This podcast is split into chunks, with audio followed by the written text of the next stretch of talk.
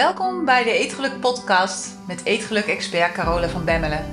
Waarin je leert hoe je weer een relaxte relatie kunt krijgen met eten. Door middel van het managen van je oerbrein. Zodat je voor goed gaat stoppen met snoepen, snaaien, overeten en diëten.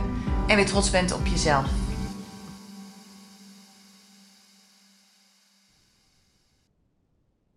Dag mooie vrouw. Deze week heb ik een cadeautje voor je. En dat is een workshop die ik vorig jaar heb gegeven. En die gaat over hoe je je oerbrein kunt managen rondom feestdagen. Nou goed, we staan natuurlijk vlak voor de feestdagen. Hè. Het is nog, uh, nog één week en dan uh, begint het weer. Misschien zit je er al wel middenin. En voor veel mensen is dat gewoon een hele stressvolle periode. Zeker wanneer je een dingetje hebt met eten of met drinken. Um, ja, kan het soms lastig zijn. Ook rondom familie kan het natuurlijk lastig zijn. Dus vandaar dat ik besloten heb om deze workshop, uh, om daar de audio uit te halen en om die in deze podcast te verwerken. Zodat je daarin um, ja, heel veel tips, heel veel handvatten van mij krijgt over hoe je jouw oerbrein kunt managen door de feestdagen. Het is een wat langere podcast. En normaal gesproken duurt het een half uurtje. Deze duurt geloof ik anderhalf uur. Dus het is even een zit. Maar hij is de moeite waard, dat beloof ik je. Ik wens je heel veel plezier met de podcast. Hoe manage ik mijn oerbrein door de feestdagen?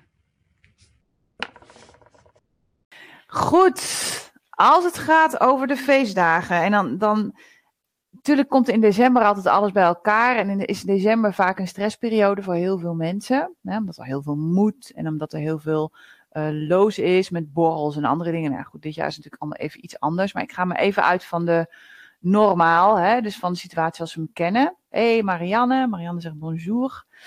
Goedendag.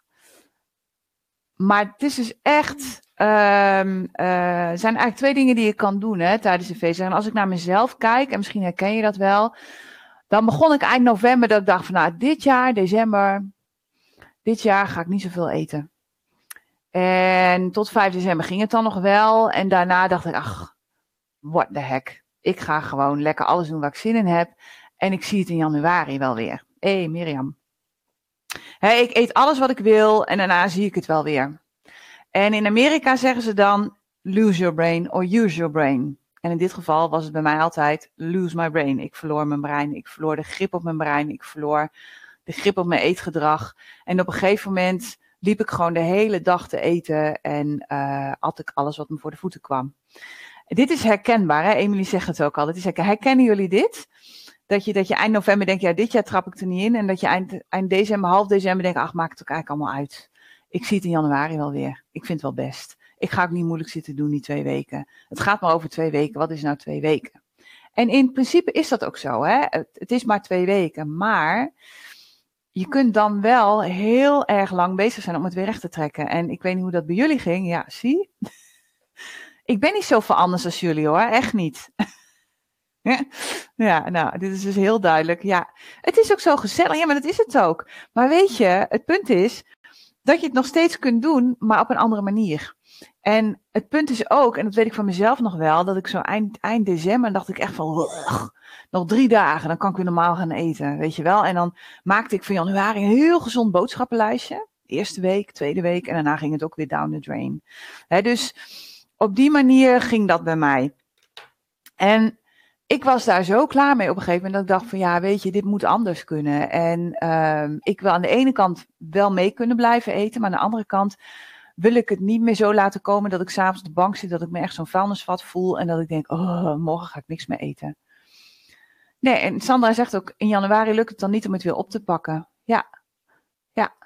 Ik was vorig jaar drie kilo voor kerst kwijt en niet aangekomen. Ja, kijk, en dat is waar het over gaat. En tuurlijk, we, we gaan niet over de kilo's, want ik ben heel slecht in afvallen, dus dat gaan we ook gewoon niet doen. Want dat, dat, dat wordt het niet. Maar wat wel heel goed is om te doen, is dat je zorgt dat je in ieder geval je goed blijft voelen over jezelf. En ook daarin jezelf gaat begeleiden. dus waar het over gaat, is dat je de keuze maakt. Uh, ga ik dit jaar weer mijn brein verliezen? Ga ik dit jaar weer all or nothing, hè? alles of niets? Of ga ik voor mezelf een plan maken en zorgen dat ik bewust door die feestdagen heen kom. Want het is, het is niet reëel om te zeggen van ik doe helemaal niks. Dat is gewoon niet reëel. Voor sommige mensen is dat misschien een mogelijkheid, maar voor de meeste mensen is dat gewoon niet te doen. En dat hoeft ook niet. Dan maak je het voor jezelf alleen maar heel erg moeilijk.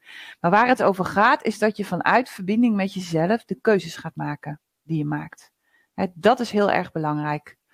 En Brieke zegt ook, ik probeer wel altijd de periode waarin ik nergens op let zo kort mogelijk te houden. Maar wat je eigenlijk doet, hè, als je je oerbrein vergelijkt met die peuter. Wat je eigenlijk doet, is dat je die peuter vooraan in de supermarkt loslaat. En zegt, mama komt jou over twee weken weer ophalen. Have fun, my dear.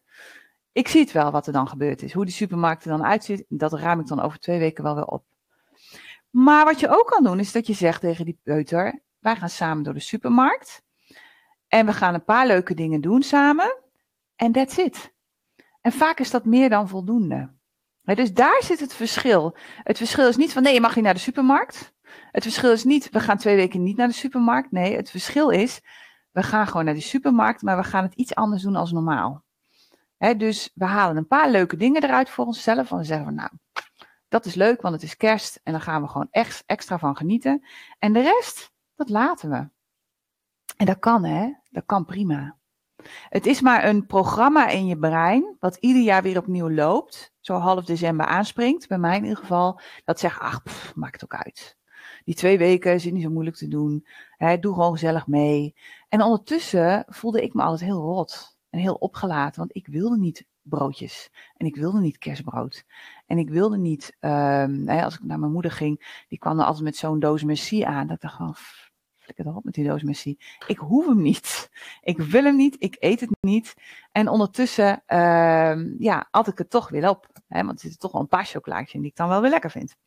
Dus waar het over gaat, is dat je voor jezelf echt gaat begrijpen hoe dat werkt in je brein. Nou, die mensen die in de Eetgeluk Universiteit zitten, dat zijn de meeste van jullie, die hebben daar al kennis mee gemaakt. Maar voor de nieuwe mensen herhaal ik nog even een paar dingetjes. En herhaling is altijd goed, dat weten jullie. Is voor iedereen. Dus wat dat betreft um, is het alleen maar goed dat we daar nog eventjes doorheen fietsen, denk ik. Ja, en Emily zegt ook, het probleem is dat je eenmaal suiker eet, dan kun je niet meer bij enkele dingen blijven. Ja, en dat dat is waar het voor de meeste mensen verkeerd gaat. Hé, hey, een kaasletter in plaats van een chocoladeletter. Dat is een idee, zeg. Goed, ik laat me afleiden door de chat. Drie dingen gaan we vandaag doen. Ik loop nog heel even kort met jullie door het zelfcoachmodel heen. Want dat verklaart namelijk een heleboel dingen die daarna gebeuren. En uiteindelijk breng ik ook alles bij elkaar. Verder is het belangrijk dat je bewust gaat worden van de automatische programma's die lopen in je brein. Nou, bij de meeste mensen zijn die waarschijnlijk hetzelfde. En het derde is dat je oerbrein eigenlijk helemaal geen macht heeft. dus wij denken wel dat dat oerbrein de macht heeft, maar dat is helemaal niet zo. Het is een meestermanipulator en daardoor laat het ons heel vaak dingen doen die we niet willen doen. Maar eigenlijk heeft je oerbrein geen macht en dat is je mensenbrein. Oerbrein is 99,9% van al het gedrag wat we doen. Hè. Daar is je oerbrein in principe de aanstuurder van. Je mensenbrein is de basis over 0,01% van ons gedrag. Maar op het moment dat je weet hoe je je mensenbrein kan gebruiken om je oerbrein te managen, dan wordt het een hele leuke synergie. Dus daar gaan we het over hebben. Goed, het zelfcoachmodel. In de Eetgeluk Universiteit werken we daar veel mee. En um, dat is eigenlijk de basis van alles wat we doen in de Eetgeluk Universiteit. Omdat je daar aan de hand daarvan kunt leren om je brein waar te nemen. Om te kijken wat er gebeurt in je brein en om jezelf te gaan coachen. Goed, hoe werkt dat zelfcoachmodel nou? Ik heb het lekker low profile gehouden vandaag. Er is een situatie wat dan ook. En een situatie is iets waar je niks aan kan doen. Het is een feit. Het is een gegeven. Het is een situatie nu als ik naar buiten kijk dat het regent. En ik kan daar niks aan doen. Het enige wat ik kan doen is de gordijnen dicht doen en net doen alsof het er niet is. Maar het is er gewoon. of dat de zon schijnt, of dat er nu corona is. Dat is een situatie waar we niks aan kunnen doen, die van buitenaf naar binnen komt en waar we mee moeten dealen. kerst met je familie kan ook een situatie zijn. Over die situatie kun je gedachten denken. En er zijn ook situaties waar je geen gedachten over denkt en waar, waar je helemaal neutraal bent, waar je gewoon denkt van nou, doe maar, jullie doen je ding maar en ik, uh, ik zie het wel. Maar er zullen ook situaties zijn waar je een mening over hebt. En dat kan een positieve mening zijn of een negatieve mening. iets, iets wordt door je brein beoordeeld als goed of iets wordt door je brein beoordeeld als gevaarlijk. Slecht als gevaarlijk. En je brein moet ook een oordeel geven over situaties, omdat het op die manier kan inschatten of je veilig bent, ja of nee. En dat is de primaire taak van je brein. Zorgen dat je veilig bent, zorgen dat je energie bespaart en zorgen dat je voortplant. Dat zijn eigenlijk de taken die je brein in de basis heeft. Goed, er is dus een situatie, daarover denk je een gedachte en die gedachte veroorzaakt een gevoel of een emotie. Nou, nogmaals, het kan weer een fijn gevoel zijn waar je meer van wilt. Of het kan een gevoel zijn van uh, kerst met de familie, geen zin in. Gaan we weer, ieder jaar hetzelfde gedoe. En ieder jaar dezelfde grapjes. En ieder jaar hetzelfde eten. En ieder jaar eindigt het weer in bonje. Dat kan ook een gedachte zijn. Beide gedachten veroorzaken een gevoel. En bij de een kan het gevoel zijn, oh ja, leuk. Hè? Ik ben blij, ik heb zin in die kerst. Ik wil met die familie kerst gaan vieren. Ik voel liefde, ik voel verbinding, ik voel vreugde, ik voel enthousiasme. Nou ja, dat kan. Maar het gevoel kan ook zijn, ik voel boosheid, ik voel teleurstelling, ik voel uh, frustratie, ik voel verdriet. Misschien omdat er mensen zijn weggevallen voor, van afgelopen jaar die er nu niet bij zijn. Of sowieso vanwege de situatie zoals die nu is. Maar beide gedachten veroorzaken een gevoel. En vanuit dat gevoel komt je oerbrein in actie. dus op het moment dat het gevoel fijn, positief, blij is, zal je oerbrein willen dat je er meer van krijgt. Op het moment dat het gevoel ja, ruk is, dat je echt denkt van nou, zal blij zijn als het voorbij is, dan zal je oerbrein willen dat je er minder van krijgt. Ik heb een aantal jaren alleen gewoond en ik zag altijd als een berg op tegen de kerst. Want bij mij thuis, bij mijn familie, is kerst gewoon een lastig ding. Dus op een gegeven moment koos ik ervoor om kerstavond even naar mijn ouders te gaan. De eerste, tweede kerstdag was ik dan thuis, maar zat ik alleen. En dat vond ik heel erg moeilijk. Dus, dus ik was altijd bezig om iets te doen te hebben tijdens die kerstdagen. Totdat ik een moment had dat ik dacht, oké, nu is het klaar. Nu ga je het gewoon eens aan met jezelf. Nu ga je gewoon eens twee dagen alleen zijn. En ik vond het super. Ik heb een hele leuke kerst gehad. Ik heb wel het huis geschilderd, dus ik ben niet twee dagen stil gaan zitten. Maar het was helemaal goed, weet je. En, um, maar puur doordat ik een andere gedachte ging denken over de situatie, daardoor kreeg ik een ander gevoel en daardoor deed ik een andere actie. dus die acties die je doet, die veroorzaken uiteindelijk het resultaat wat je behaalt. En dit verklaart ook meteen waarom goede voornemens vrijwel altijd mislukken. Want wat we doen, is dat we een nieuwe actie willen gaan doen, maar het stuk hierboven niet veranderen. Dus je wil een nieuw resultaat bereiken met jezelfde mindset. Ja, dat is een, uh, een uitdaging, kan ik je vertellen. Dus dit is belangrijk om even in je achterhoofd te houden. Schrijf het desnoods even ergens op als je dit voor het eerst ziet. Er is een situatie. Kerst is een situatie, oud en nieuw is een situatie, een borrel is een situatie, feestdagen zijn een situatie, een verjaardag is een situatie. Maakt eigenlijk niet zoveel uit. Een situatie is altijd iets waar je zelf geen directe invloed op hebt. En een situatie is altijd neutraal. Hè? Kerst is neutraal. Vervolgens denken we daar een gedachte over en met die gedachte geven we een oordeel over die situatie. Hè, kerst is leuk, kerst is niet leuk. Ik heb wel zin in die verjaardag, ik heb geen zin in die verjaardag. Ik uh, wil wel naar die borrel of ik wil niet naar die borrel. Of wat ga ik nu weer zeggen tegen wie? Of ik ken helemaal niemand, waarom moet ik daarheen? Dat zijn allemaal gedachten vanuit je brein die zorgen dat je een bepaald gevoel creëert, waardoor je een actie gaat nemen en een resultaat krijgt. En je oerbrein schiet in uh, de actiestand op basis van het gevoel wat je hebt. dus heb je een negatief gevoel, dan denk je oerbrein rennen. Ik moet hier zo snel mogelijk van weg. Dit moet ik oplossen, zo snel mogelijk. En het zal je acties laten doen die erop uh, gericht zijn om zo snel mogelijk weg te komen van dat vieze gevoel, van dat nare gevoel, van dat boze gevoel. Nou, eten geeft een hele hoge beloning in je brein. Dus heel vaak zegt je oerbrein dan, als er eten voorhanden is, eet maar wat. Dan voel je het niet meer. Eet maar wat, dan is het opgelost. Het kan ook een positieve emotie zijn. Dan zal je oerbrein zeggen, oh, doe nog maar wat meer. Want het geeft wel een goed gevoel. Kunnen we nog wel een beetje van doen. dus stel dat jij uh, gezellig met je familie bij elkaar bent. Jullie zijn lekker aan het ontbijten.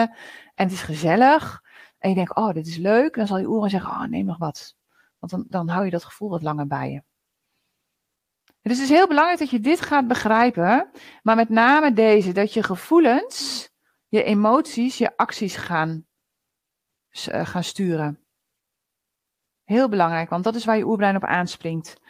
En wat verder belangrijk is, is dat je een verschil hebt tussen emoties, Emoties worden veroorzaakt door een gedachte die je denkt. En lichamelijke sensaties. Die komen uit je lichaam.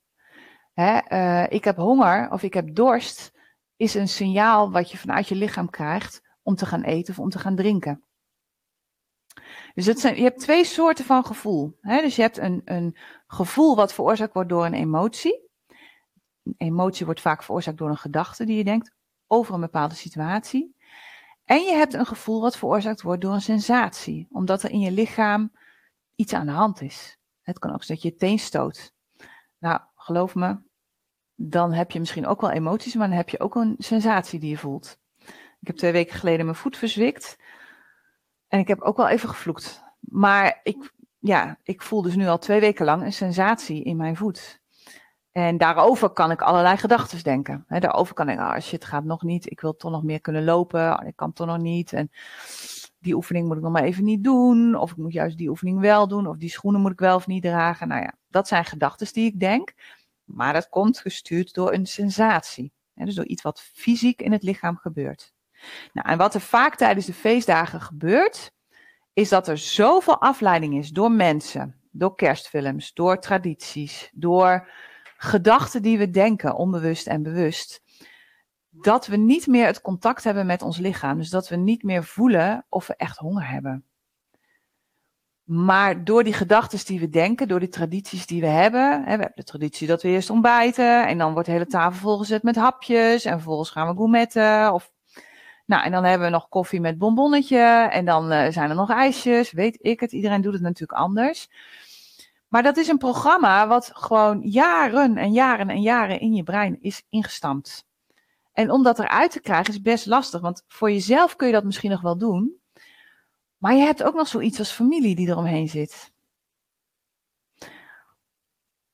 Ja, ik kijk zo naar de, naar, de, uh, naar de chat. Dus als jullie willen dat ik ergens naar kijk, als jullie vragen hebben of zo, wacht even totdat ik het zeg. En dan uh, loop ik daar gewoon af en toe eventjes doorheen tussen de stappen door. Want ik heb een aantal stappen die ik met jullie wil bereiken. Dus het eerste wat belangrijk is, is het zelfcoachmodel. Is dat voor iedereen duidelijk? Of zijn daar vragen over? Ik hoop dat je hebt meegeschreven als het nieuw is voor je. Want dit is wel de basis van wat we vandaag gaan doen. Even kijken. Coachen zegt, mijn gedachte kan ook een lichamelijke sensatie teweeg brengen en daar gaat het vaak mis. Dus ik wil eten en dan krijg ik hoppa een soort hongerklop. En mijn lijf gaat ook met mij aan de haal. Nee, je brein gaat met je aan de haal. Jouw oerbrein kan je laten denken dat het echt heel urgent is dat je nu gaat eten. Heel belangrijk om dat goed te gaan ervaren. Ja, zelfcoachmodel voor jou nieuw, Kitty. Ja, oké, voor jullie is allemaal duidelijk. Oké. Okay. want dat is heel belangrijk. En als je nou bijvoorbeeld kijkt naar een situatie. Op dit moment is kerst de situatie. Laten we kerst gewoon als situatie nemen. Over twee weken is het zover. Over twee weken is het kerst. Over drie weken is het oud en nieuw. Daarover denk je bepaalde gedachten. Wat voor gedachten, als je nu aan kerst denkt. En ik hoef geen ideale antwoorden, gewoon wat er nu in je opkomt. Als je nu aan kerst denkt, wat denk je dan? Wat zijn dan de gedachten die op dit moment in je leven? Die wil ik graag zien in de chat.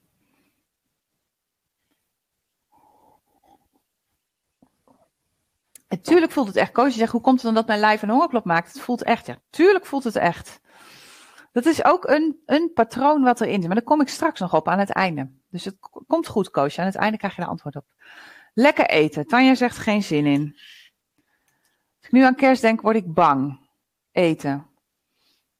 Oh, er komt een heleboel. Veel te veel eten, gourmetten. Bäh. Wat wordt er toch veel? Ja, dat was ook altijd dat dat gevreed. Ik vind het ook helemaal niks. Hoop werk en een hoop strijd. Tot 2000, ja. Verplichting voelt niet als leuk. Gezelligheid met het gezin, benieuwd. Boek bij de houtkachel, gezellig lekker eten. Eten, eten, eten, eten, eten, hè? En kijk even naar wat er gebeurt op dit moment op tv. Kerstreclames. Het gaat over eten.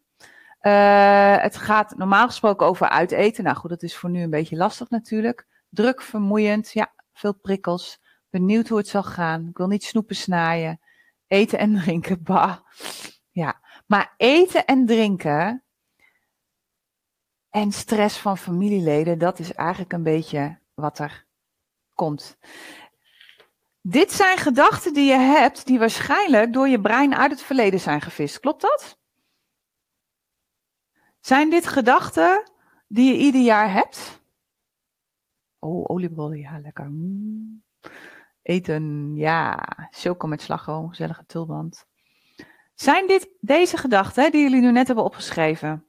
Zijn dit gedachten die je ieder jaar hebt met kerst? Hanneke zegt ja, Jolande zegt ieder jaar.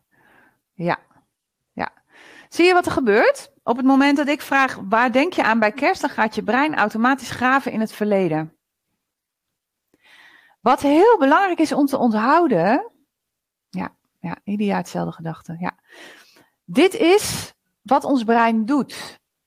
Ons brein haalt zijn informatie uit het verleden.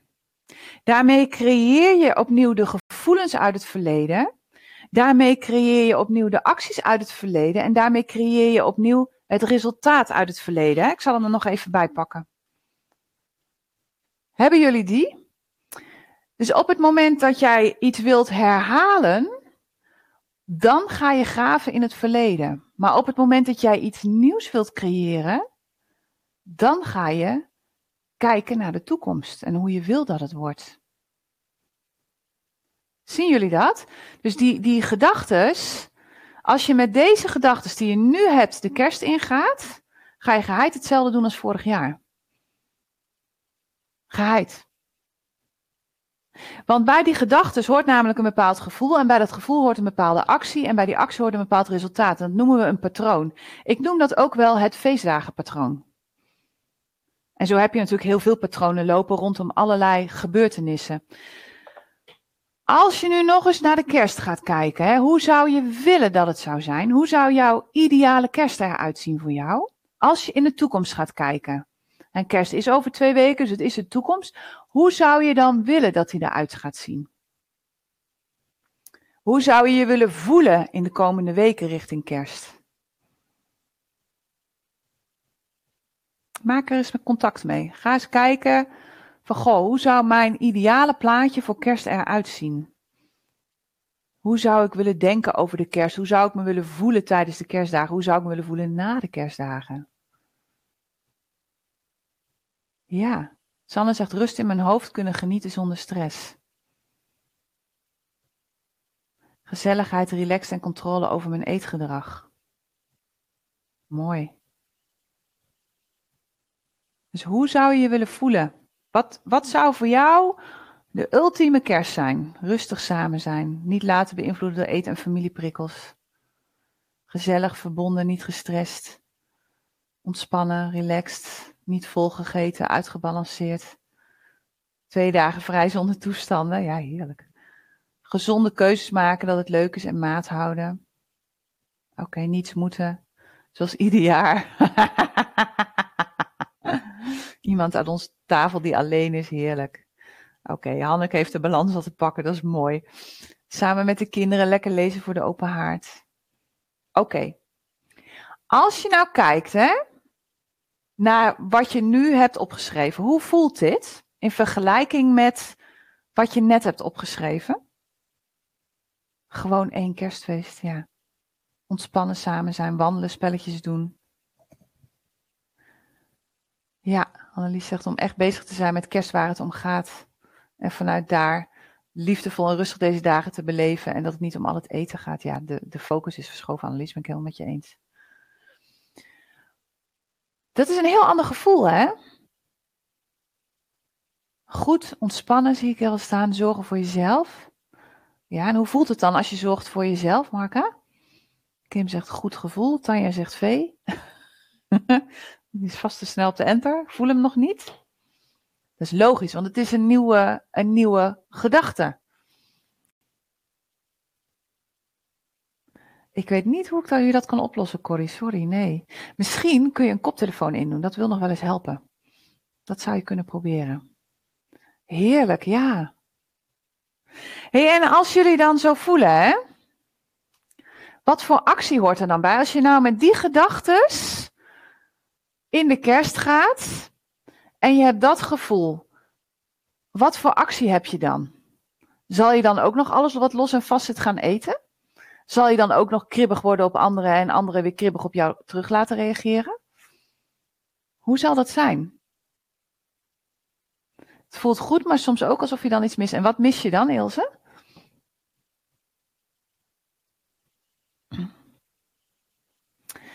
Het zal een andere actie zijn als het gevoel wat je kreeg van kerst.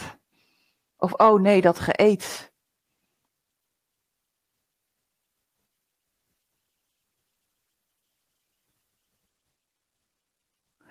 Heel belangrijk, hè? Dat je daarin een ander gevoel creëert. Horen jullie mij nog allemaal of niet? Ben ik voor iedereen nog duidelijk te verstaan? Ja, samen eten, niet overdadig. Het geeft rust, anders voorbereiden. Ja. Dus dat is heel erg belangrijk. In het feestdagprogramma lopen bepaalde gewoonten. Constant. En dat zijn onbewuste gewoonten. Oké, jullie horen mij. Prima. Dat zijn onbewuste gewoonten. En die mensen die in de Eetgelijk Universiteit zitten, die weten hoe dat werkt, dat je dat moet gaan waarnemen en dat je dat moet gaan oefenen en weet ik het wat allemaal. Voor die mensen die dat nog niet weten, is het heel belangrijk dat je gaat kijken van waar loop ik ieder jaar weer tegenaan tijdens de feestdagen. Heb je bepaalde verwachtingen? Bang dat ik het niet kan, dat het me niet lukt. Ja, en hoe voelt dat Jolanda als je dat denkt? Je zegt het eigenlijk al, hè? onzeker. En wat zal er gebeuren als je onzeker bent? Als jij onzeker bent in de buurt van een peuter, wat zal die peuter dan gaan doen? Zal die peuter dan zeggen, ja Jolanda, ik luister naar jou? Of zal die zeggen, nou, ik zie hier een ingang. Misschien kan ik wel uh, linksom of rechtsom mijn zin krijgen als ik maar een beetje doordram. Dan komt dat wel dus het is een gedachte. Hè? De gedachte is, ik ben bang dat ik het niet kan, want in het verleden is het ook nooit gelukt. Dus hup, dan gaat dat brein weer naar het verleden toe. Dat is wat je brein doet. Hè? Je brein zoekt bewijs in het verleden, want de toekomst is er nog niet. En het is oké, want het is hoe je oerbrein gestrikt is. Je oerbrein is gestrikt om ervoor te zorgen dat je veilig bent. Dus alles wat er is, wordt getoetst aan een gebeurtenis uit het verleden. En als die gebeurtenis er is, hè, als die in de kaartenbak staat, dan kijkt hij even, oh ja, status, oh ja. Vorig jaar wou ze niet eten, niet gelukt. Ja, daarvoor wou ze niet eten, niet gelukt. Ja, daarvoor wou ze niet eten, niet gelukt. Stop er maar mee, want dan gaat je dit jaar ook niet lukken. Kijk maar hier, bewijs. Waar het over gaat, is dat je voor jezelf vooraf gaat bedenken hoe jij wil dat dit jaar jouw kerst eruit gaat zien. En ik zal niet zeggen dat dat een 100% garantie is, maar je gevoel over de kerst en je gevoel tijdens de kerst zal anders worden. Je gaat je brein niet verliezen, maar je gaat je brein managen. Dat is wat je gaat doen. en kijk voor jezelf. Heb je bepaalde verwachtingen nu van de kerst? En waarschijnlijk heb je die. Die heb je net opgeschreven. Dat zijn al die verwachtingen van nou, het wordt toch weer drama. Of het wordt toch weer veel eten. Of het wordt toch weer gedoe. Of het wordt toch weer stress. Dat zijn de verwachtingen die je hebt op basis van hoe het de afgelopen jaren is gegaan. Zijn er bepaalde dingen die ieder jaar opnieuw gebeuren? Nou, bij ons vloog ieder jaar opnieuw het servies door de, door de woonkamer. Dat wist ik gewoon. Dus op een gegeven moment dacht ik, dat wil ik niet meer. Ik ga daar gewoon niet meer heen. Dus op die manier heb ik het opgelost. Maar ja, dat is natuurlijk niet echt een leuke manier. Zijn er bepaalde tradities waar je geen zin in hebt? Misschien zijn er wel bepaalde dingen dat je denkt, ja, het is leuk dat opa en oma dat ooit zo bedacht hebben, maar eigenlijk hoef ik daar niet meer aan mee te doen. Het is gewoon niet voor mij. Ik vind dat gewoon niet leuk. Ik word er niet blij van. Het is een boel gedoe. Het geeft een boel drukte en een boel stress. En waarom doen we het eigenlijk? Emily zegt herkenbaar. Dat van het servies of uh, ja, andere dingen. Zijn er dingen die je ieder jaar eet vanuit traditie? Ik heb ooit, toen ik in Zweden woonde, heb ik kerst gevierd met een Zweedse familie. Ik heb daar een jaar gestudeerd. En die hebben, in Zweden hebben ze ieder jaar dezelfde traditie. Als je Zweden wil veroveren, dan moet je op de dag voor kerst om drie uur s middags moet je Zweden binnenrijden met je tanks. Want dan zitten ze allemaal naar Donald Duck te kijken. En vervolgens is daarna een buffet. En dan staat ieder jaar hetzelfde op. Ieder jaar. Uh, wat stond erop? Rode kool stond erop. Uh, haring, in, haring met rode bieten, geloof ik rijstpap. Uh, aardappels, iets met aardappels stond erop. Nou ja. echt van die traditionele dingen die ze daar gewoon ieder jaar eten. En dat kan nu natuurlijk ook zijn dat er bepaalde dingen zijn die je ieder jaar eet, maar die je eigenlijk niet meer wil eten, omdat je het hele jaar anders hebt gegeten. Maar ja, traditie, we doen er maar aan mee. Weet je, dus het gaat erom dat je gaat kijken van hoe zien mijn feestdagen er normaal gesproken uit, zowel de aanloop er naartoe als de dagen zelf. Wat vind ik leuk? Wat wil ik meenemen daaruit? En wat wil ik graag anders? En op die manier kun je voor jezelf jouw ideale kerst gaan creëren. Even kijken. Ja. Danielle zegt ook, ik kies sinds een jaar of vier voor de kerst waar ik blij van word. En voel me sinds twee jaar niet meer schuldig. Ja, weet je, ja, servies overleeft de kerst ook niet. Ja, nou hadden mijn ouders genoeg servies, dus het was op zich niet zo'n hele grote ramp. Maar ik wilde die stress gewoon niet meer. Ik, ik liep echt op eieren. Dat ik dacht van wanneer gaat het gebeuren, weet je wel. Dus dat is, dat is echt niet leuk. Maar goed, wat heel erg belangrijk is hierin, is dat je voor jezelf gaat kijken van hé, hey, wat is mijn feestdagprogramma normaal gesproken? En wat wil ik dat het wordt?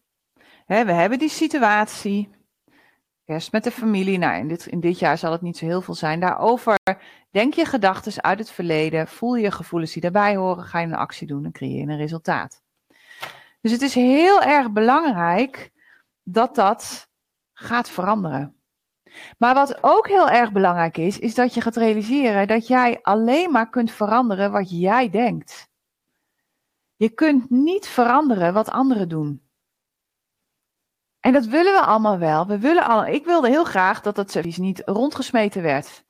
Maar ja, op de een of andere manier kon ik daar niets in veranderen. Dus waar het over gaat, is dat je de verwachtingen die je hebt, en ik, ik had als meisje had ik altijd de verwachting, oh kerst, weet je, dan keek ik allemaal van die kerstfilms. Ik heb veel te veel kerstfilms gekeken, denk ik.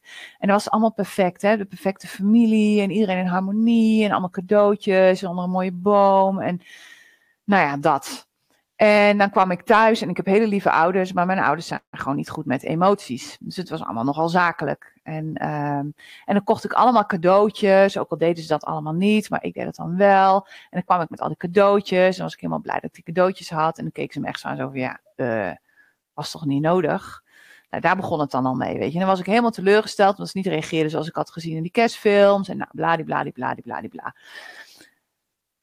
Het punt is dat je allerlei verwachtingen van mensen kunt hebben, maar mensen kunnen niet in jouw hoofd kijken. Dus mensen weten niet aan welke verwachting ze moeten voldoen, omdat ze dan ervoor zorgen dat jij je goed voelt. Want je hebt vaak verwachtingen.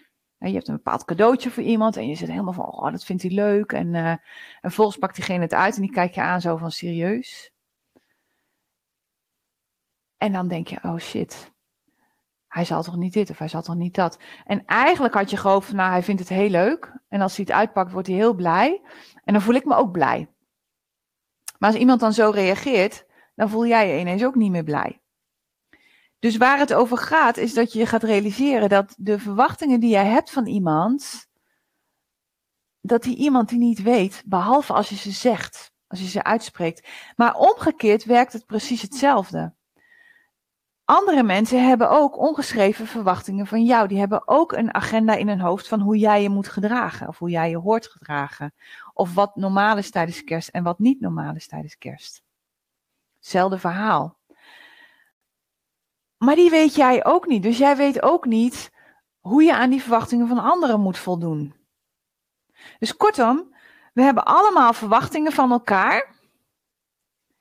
Die we allemaal niet weten. En vervolgens doen we maar iets met z'n allen. Want ik denk dat hij wil dat ik, uh, uh, nou, hè, ik, ik denk dat mijn man wil dat ik lekker eten kook. Terwijl mijn man denkt van, ah, we zijn s'avonds alleen, we gaan wat eerder naar bed en we gaan daar van alles doen. Ik zeg maar wat. Maar dat weet ik niet van hem. Weet je, en hij weet niet van mij dat ik denk van, nou, we gaan uitgebreid tafelen vanavond. Snap je? Dus dan kun je uh, teleurgesteld worden je kunt het natuurlijk ook uitspreken naar elkaar en dan kun je een hele leuke avond hebben. Maar snappen jullie, het, het is heel erg lastig vaak. En zeker als je met meerdere mensen bij elkaar bent, om aan elkaars verwachtingen te gaan voldoen. Ten eerste weet je niet wat een ander van jou verwacht, dus kun je alleen maar bedenken wat iemand van jou verwacht. Ten tweede heb jij verwachtingen van anderen, maar die anderen weten ook helemaal niet wat jij verwacht. Nou, alles uitspreken is misschien ook een beetje zakelijk. Dus het is heel belangrijk dat je voor jezelf gaat kijken van hé, hey, welke verwachtingen heb ik eigenlijk van iedereen?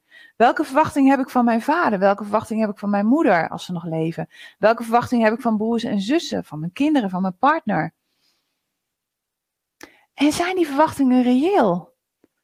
Wat gebeurt er als zij niet aan die verwachting voldoen? Ben ik dan zagrijnig of teleurgesteld of verdrietig of heb ik dan een slechte kerst? We zijn allemaal mensen en we hebben allemaal onze eigen gedachten.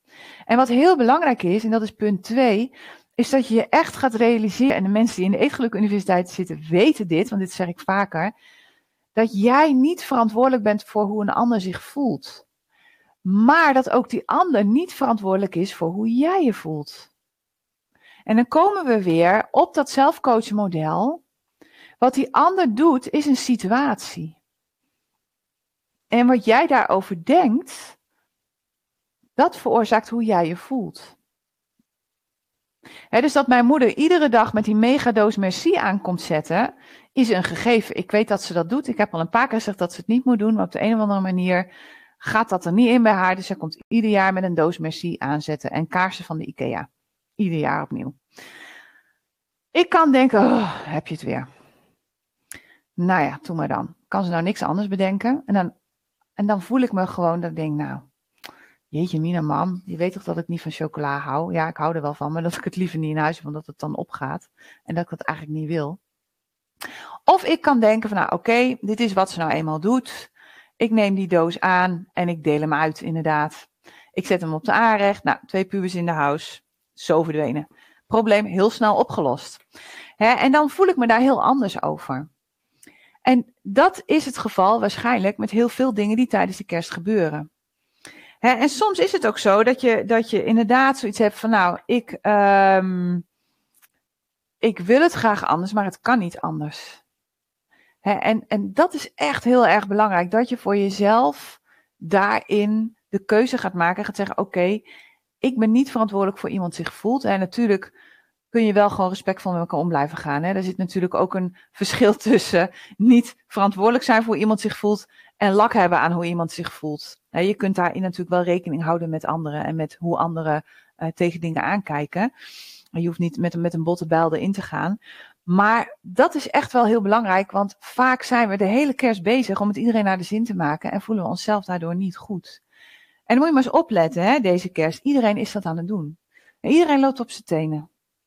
Want we zijn allemaal bang dat anders die ander zich niet goed voelt. Maar hoe zou het nu zijn als je dat los gaat laten en als je inderdaad voor jezelf gaat kijken van oké, wat heb ik nodig deze kerst zodat ik me goed kan voelen?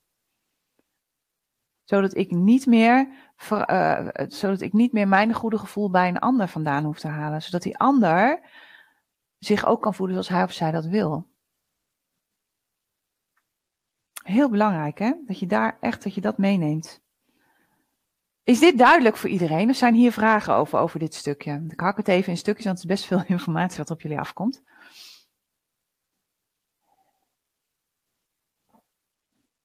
Ja, Jolande zegt ook, ik ben niet verantwoordelijk voor andermans gevoel. Ja, dat klinkt heel hard hè, als je dat zegt. Dat klinkt heel hard. En, maar het is wel zo. En het punt is, op het moment dat je zelf die verantwoording gaat nemen, en dat je zelf inderdaad met dat coachmodel aan de gang gaat, dan wordt het voor jou heel logisch. Maar voor die ander klinkt dat heel hard. want jij hebt toen dat gedaan en daardoor voel ik me nu rot. Maar dat is onzin, want de keuze om je rot te voelen is een gedachte. Ik voel me rot. Denk maar eens, ik voel me rot. Ga je ook rot voelen. dus het is heel erg belangrijk dat je echt wel rekening houdt met elkaar en dat je elkaar respecteert in hoe je bent en wie je bent en wat je doet. En daarnaast dat je je niet meer verantwoordelijk gaat voelen als iemand zich niet lekker voelt. Ik heb het in het begin wel gehad toen Danny en ik net samen waren. En Danny heeft af en toe ruimte voor zichzelf nodig. En ik denk dat iedere man dat heeft. Hè. Iedere man die heeft een soort van mancave waar hij dan in moet. En dan gaan ze tv kijken of gaan wat anders doen. Maar ze gaan vissen of in ieder geval ze trekken zich terug. En in eerste instantie dacht ik dat dat aan mij lag. En dan voelde ik me rot. En dan ging ik heel erg mijn best doen. Zodat hij zich nog beter ging voelen. Maar hij ging steeds meer zo van, nou, laat me nou even, weet je wel. En op een gegeven moment hebben we dat uitgesproken. En toen dacht ik, ja, eigenlijk ook wel logisch. En nu zegt hij het gewoon, nou, ik moet even voor mezelf. Nou, prima. Maar dan voel ik me niet meer schuldig. Weet je, dus, dus het is heel belangrijk om dat voor jezelf te gaan realiseren. Dat jij niet verantwoordelijk bent voor hoe een ander zich voelt. je kunt wel een sfeer leveren, of een bijdrage leveren aan de sfeer, door hoe je je gedraagt. Maar dan nog ben jij niet verantwoordelijk voor hoe iemand zich voelt. En dat verklaart ook waarom bijvoorbeeld kinderen die in hetzelfde gezin zijn opgegroeid, twee of drie kinderen, die hetzelfde hebben meegemaakt, uh, alle drie heel anders hun jeugd terugkijken. dus dat is heel belangrijk.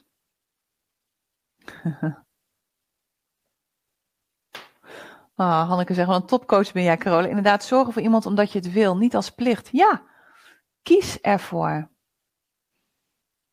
Klopt, voor die ander is het zo. Maar ik zeg, ja, nee, was oké, okay, Jolanda, was ook geen verwijt hoor. Maar voor een ander kan dat heel hard klinken. Want ik heb het hier natuurlijk ook wel eens. Dat iemand zegt, ja, en doordat jij dit doet. En dan zeg ik, ja, maar dat doe je zelf. Je kiest zelf hoe je erover denkt. ja, en dat is ook, hè, Danielle. Danielle zegt ook, mijn moeder vindt mij daarin erg zakelijk geworden. Het lijkt net alsof je geen gevoel meer hebt. Omdat je niet meer meedanst op de emoties van anderen. En daardoor kom je heel koud en kil en afstandelijk over. Maar je gaat niet meer mee in die emoties. En soms zeg ik ook nog wel eens: geef mij maar weer een zak chips en de afstandsbediening en laat mij maar weer lekker onbewust doorleven. Maar ja, op een gegeven moment denk ik dan ook: laat maar. Daar heb ik geen zin meer in. Het is gewoon niet meer wie ik ben en wat ik wil. Maar je wordt daar inderdaad ja, anders in. Je, gaat, je, danst niet meer met mensen mee. Even kijken hoor. Emilie zegt, ik vind enkel nog moeilijk van oké, ik ben niet verantwoordelijk voor iemand zijn gevoel. Maar vind het wel moeilijk hoe je dan wel moet doen tegenover elkaar. Ja, maar je hoeft niks te doen tegenover elkaar. Kijk, op het moment dat jij um, um, je realiseert dat jij niet meer verantwoordelijk bent voor hoe jij je voelt. En dat die ander niet meer verantwoordelijk is. Of oh, dat jij, niet, dat jij alleen verantwoordelijk bent voor hoe jij je voelt. En dat je niet meer verantwoordelijk bent voor hoe die ander zich voelt. En dat die ander ook niet meer verantwoordelijk is voor hoe jij je voelt. Dan kun je jezelf gaan zijn. En die ander kan daardoor ook zichzelf zijn. Want die hoeft niet meer aan bepaalde verwachtingen te voldoen, die hij toch niet weet. want we hebben allemaal zo'n zo manual, zo'n checklist. Nou, er staan allemaal dingen in waar mensen aan moeten voldoen. Willen ze uh, uh, ja, aardig gevonden worden of willen ze het doen zoals het hoort of willen ze oké zijn? Er komt steeds meer ruimte.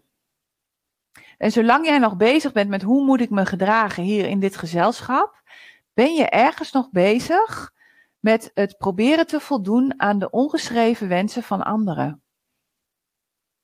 En waar het over gaat, is dat je echt toegaat naar het voldoen aan de wensen voor jezelf. En op het moment dat je in een situatie komt uh, waarin je eigenlijk uh, ja, iets moet doen, hè? net zoals nu met die, met die mondkapjes, waanzin. Ik vind het echt waanzin. Dat is een oordeel van mij, hè? wat ik heb over de situatie. Maar goed, ik kan twee dingen doen. Ik kan daar heel boos over worden en ik kan een verklaring opvragen en zeggen uh, van nou, ik ga dat niet doen en ik kan met iedereen ruzie gaan maken. Kan. Maar ik kies ervoor om daarin in harmonie te blijven. En om daarin mezelf al die stress op de nek te halen, want het heeft toch geen zin. En dan denk ik, weet je, ik doe wel gewoon zo'n ding op en het is wel oké. En ik vermijd gewoon zoveel mogelijk situaties waarin ik zo'n ding moet dragen. Maar daardoor wordt het een keuze. En dat is hetzelfde als met kerst. Als je geen zin hebt in kerst. Ik had hier met Joshua van de week een discussie. Die, had, die heeft geen zin in kerst. Joshua is anti-kerst. Want het is altijd gedoe met kerst. Nou, het is nooit gedoe, maar in zijn hoofd is het gedoe. En uh, hij wil dat gewoon niet. Dus hij um, zegt van, nou, ik heb helemaal geen zin in kerst en dan moet ik eerst eerste kerstdag naar Duitsland. Dat is ook allemaal gedoe. En, uh, nou, en zo zat hij al. Ik zeg, ja, maar ik zeg, weet je, dan ga je toch niet? Nee, en dat kan niet, want gezeur hier en gezeur daar en gezeur zus en gezeur zo. En het punt is dat wij rondom kerst heel vaak nog reageren vanuit ons kinderlijke gedrag. Vanuit het gedrag wat we hadden als kind en dat we bang zijn voor straf als ze het anders gaan doen. Moet je maar eens naar kijken. Hoe mensen ineens met kerst zich weer gedragen als kleine kinderen. Hoe, hoe dat kindergedrag op de een of andere manier met kerst weer naar boven komt. Herkennen jullie dat? Dat je denkt van, oh nee, dat kan ik niet maken, want wordt mijn moeder boos. Of oh nee, kan ik niet maken, want dan gaat mijn vader weer schreeuwen. Of oh nee, ja nee, dat is niet leuk, want uh, nee, dat, dat vond ik vroeger ook nooit leuk. Weet je, maar dat, dat, je, dat je echt bang bent voor straf omdat je bepaalde dingen niet doet, of omdat je te laat komt, of omdat je ehm, iets niet eet, of omdat je ehm, andere cadeautjes hebt gekocht dan normaal. Ik zeg maar even wat, hè. Dus, dus die, die, ehm, die angst, die zit er nog in. En dat zag ik bij Joshua ook heel, heel duidelijk. Dat hij, hij was gewoon bang op boze mensen. Hij was bang voor een boze moeder. Hij was bang voor een boze vader. Hij was gewoon bang. En dat ik ook zeg, ja, maar waarom? Nou ja, ik kreeg het er nog niet uit, dus ik laat het maar. Maar dat ik wel tegen hem zeg van, weet je, als dat zo is, ga er dan bewust voor kiezen dat je kerst gaat vieren met je familie. Maak er een keuze van in plaats van een verplichting. Dat is veel bevrijdender en dan ga je er heel anders in. En stel jezelf vervolgens voor van oké, hoe wil ik me gaan gedragen deze kerst? Hoe wil ik me gaan verhouden tot die mensen die er zijn deze kerst? Wil ik leuk zijn? Wil ik aardig zijn? Wil ik lief zijn? Wil ik uh, strikt zijn? Wil ik uh, zakelijk zijn? Wil ik toegankelijk zijn? Wil ik niet toegankelijk zijn? Wil ik meer op mezelf? Wil ik me openstellen? Maakt niet uit, hè? Maar wat voor jou belangrijk is. Ja, Noortje zegt ook, probeer altijd iedereen naar de zin te maken. Moeilijk dit los te Ja, Noortje.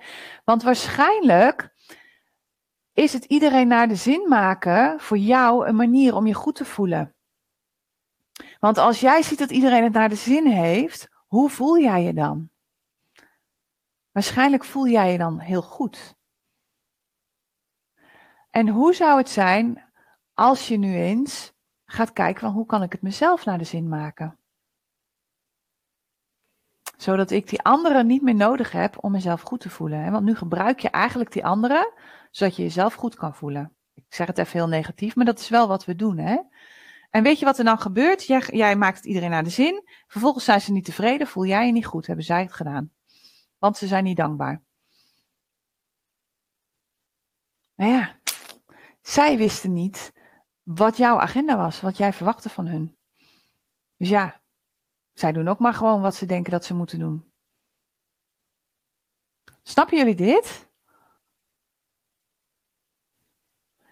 Even kijken. Angstig, wij gaan al jaren met het gezin op vakantie naar Kijkduin om weg te zijn van de verplichtingen. Dan aten we gewoon pizza op eerste Ja, heerlijk hè. Ik ook al graag gewoon een stampotje. Heerlijk. Maar eigenlijk ben je dan gewoon aan het vluchten hè. Dat je denkt van nou wij zijn weg, dus uh, we zijn er niet. Ja, ruimte is ook belangrijk voor jezelf. Ja, heeft Hanneke helemaal gelijk in. Ja, door EU heb ik minder geleerd, geleerd om minder te pleasen. Ja, want dat pleasen, dat doe je eigenlijk omdat je die ander gebruikt om jezelf goed te voelen. Dat is waarom je pleest. Even kijken. Wendy zegt, wat betreft het coachmodel moet je dan proberen je gedachten en emoties te herzien of te accepteren en je helemaal focussen op de actiefase. Nee. De actiefase is altijd een gevolg van. dus uh, uh, fake it till you make it gaat vaak niet werken. Gaat vaak wel even, zolang je wilskracht hebt, maar op een gegeven moment is dat klaar. Waar het over gaat, is dat je je bewust gaat worden van de gedachten die je denkt over een situatie. En je kunt proberen om die gedachten te herzien als dat lukt. als hij niet een hele heftige emotie geeft, dan kun je hem vaak wel herzien. Maar als die gedachte een heftige emotie geeft, is het heel moeilijk om hem te herzien. En wat je dan het beste kan doen, is de confrontatie aangaan met die emotie. En dat gaat voor nu een beetje ver. In de Eetdruk Universiteit leer ik helemaal hoe je dat kan doen. Maar wat er dan gebeurt, is dat je die emotie gaat voelen. En dat je niet gaat handelen. dus stel, je wordt boos. Er is een bepaalde situatie. stel, mondkapjes. Ik denk, ach, verdorie, flauwkul. Het helpt allemaal niks, besmettingen lopen toch op. We kunnen beter werken aan onze weerstand. Maar daar hoor je niemand over. Dat is mijn gedachte. Nou, vervolgens word ik daar heel boos over. Kan ik twee dingen doen. Ik kan op hoge poot een brief gaan schrijven aan minister-president Rutte. Ik kan alle kranten bellen. Ik kan op Facebook een boel kabaal gaan maken. Met als resultaat dat iedereen denkt, nou, die Van die is het een beetje kwijt. En ik word heel boos, ik ben teleurgesteld en ik word gefrustreerd. En nou ja, noem het op. Ik ga eten omdat ik gefrustreerd ben. Want daar ben ik heel goed in. Ik kan ook denken, oké, mondkapjes. Ik ben het er niet mee eens. Ik vind het ook echt een maatregel dat ik denk een half jaar geleden was iedereen tegen, nu is iedereen ineens voor. Vind ik ook al heel leuk om te zien hoe dat groepsgedrag werkt.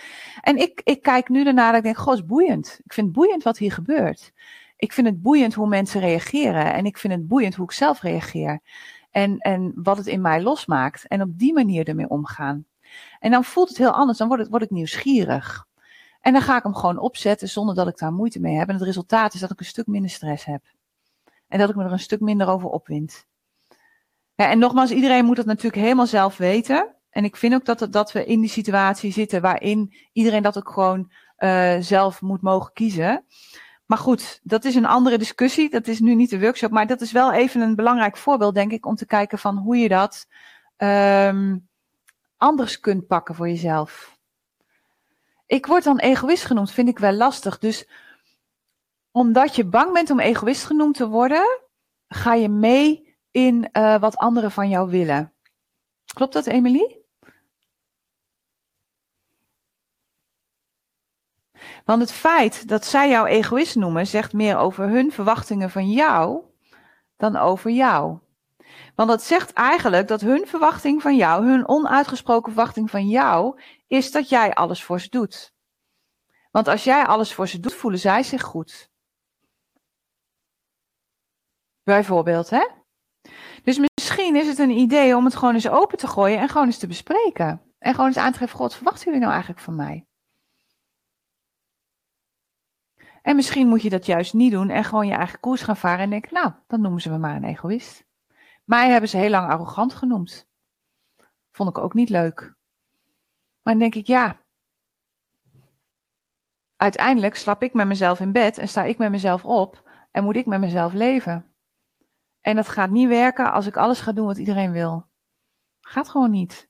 Maar dat klinkt soms wel heel snoeihard. Dat ben ik met je eens. Even kijken hoor. Ja, Jolanda zegt ook minder pleasen maakt dat je meer voor jezelf kiest. Je wordt sterker. Ja, en je kiest voor jezelf vanuit respect voor die ander. Hè? Want als jij gaat lopen pleasen, dan schep je ook verplichtingen bij die ander. Want die ander leert jou niet kennen zoals jij echt bent. En die ander gaat op jou reageren zoals die denkt dat jij bent. En die gaat dingen van jou verwachten waarvan die denkt dat dat bij jou hoort. Waardoor je dus een scheve verhouding krijgt. En die ander gaat zich dan ook gedragen op een bepaalde manier. En dus eigenlijk als jij, als jij gewend bent om te pleasen. En wij zijn vrouwen. En vrouwen zijn zorgzaam. Dus dat zit bij ons in het karakter ingeslepen om te willen dat mensen het naar hun zin hebben. Dat is gewoon wat we doen. We houden rekening met elkaar en we houden rekening met anderen. En... Maar het is ook heel belangrijk om rekening te houden met jezelf. En me first is echt een hele belangrijke. Niet me only, maar me first is echt heel belangrijk. Want heel veel vrouwen lopen leeg op pleasen. Lopen er echt op leeg. Raken zichzelf kwijt, raken gefrustreerd, gaan eten. Om zichzelf dan weer goed te voelen. En vervolgens, ja, heb je de poppen aan het dansen. En dus die, die angst voor afwijzing zorgt ervoor dat je jezelf afwijst. Constant. En zolang je de goedkeuring van een ander nodig hebt, wijs je jezelf af. En eigenlijk heb je de goedkeuring van die ander helemaal niet nodig. Het gaat erom dat jij de goedkeuring van jezelf, een goedkeuring aan jezelf kan geven. En ook goedkeuring van een ander nodig hebben is een patroon uit de kindertijd. En als kind ben je afhankelijk van je ouders. Als kind weet je instinctief dat je um, ja, uit het gezin gegooid wordt op het moment dat je niet, niet past. dat je dingen doet die niet in het gezin passen. Of dat je niet voldoet aan de verwachtingen die je ouders hebben. Dus als kind leer je bepaalde gedragspatronen uh, die je vaak als volwassene blijft herhalen. Alleen als volwassene weet je op een gegeven moment hoe je je brein kunt managen. Als kind heb je eigenlijk alleen maar een oerbrein. Je hebt een deel mensenbrein, maar dat is helemaal in ontwikkeling. En pas rond je dertigste is dat echt goed ontwikkeld. En tot je dertigste ja, ben je dus voor een deel afhankelijk van, van patronen die je in de kindertijd hebt aangeleerd. Hè, eh, bijvoorbeeld uh, goed voor iemand zorgen, zodat je, zodat je aardig gevonden wordt. Of um, gaan eten als je verdrietig bent. Dat zijn patronen die je in je kindertijd hebt aangeleerd om te dealen met bepaalde emoties, met bepaalde situaties. En als kind heb je nooit geleerd hoe je om kunt gaan met emoties. Zijn emoties dus soms heel erg angstigend, heel erg bedreigend.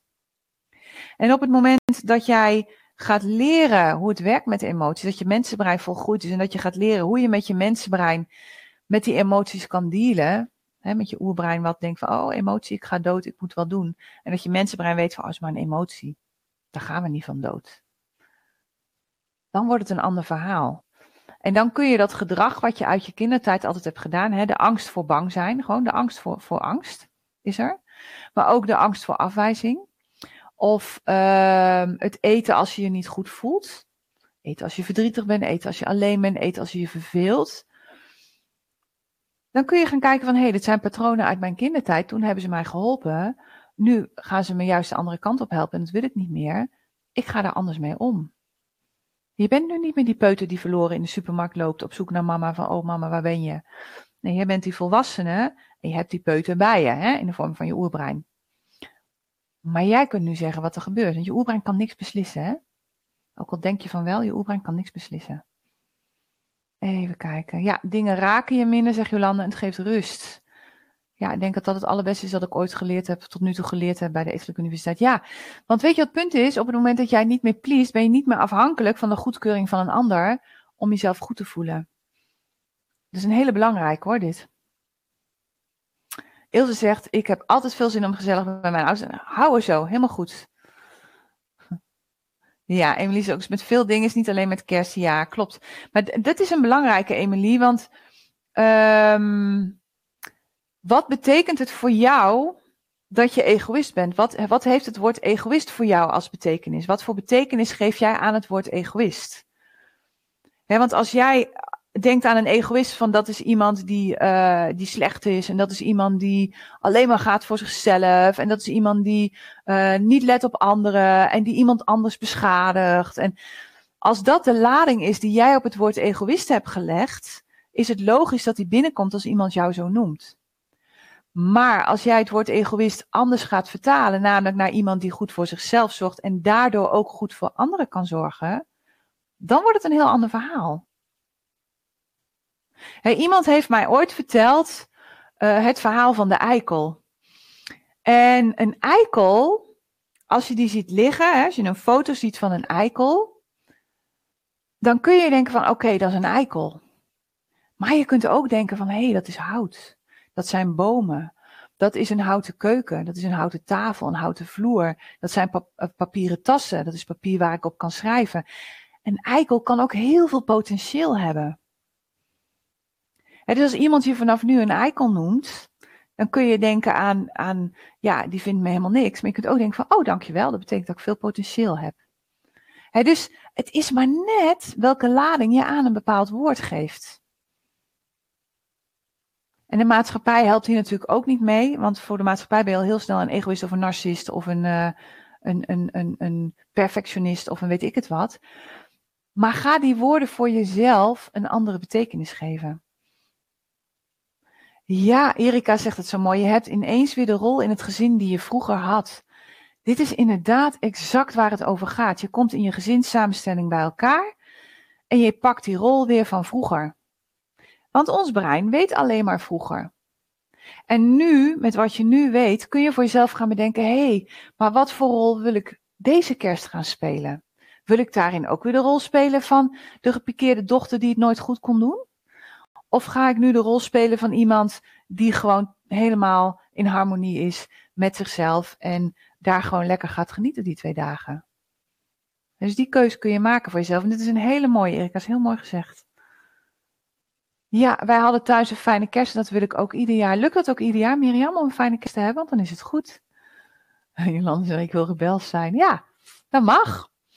Je mag rebels zijn. Ga maar kijken wat er gebeurt. Even kijken. Ja, zegt Emily, met kerst voel ik me altijd zo eenzaam en er niet bij horen. Ja, maar dit is ook een gedachte, hè? Ik voel me met kerst altijd zo eenzaam en er niet bij horen. Hoe zou het zijn als je zegt: Oké, voor deze kerst ga ik ervoor dat ik het zelf fijn heb?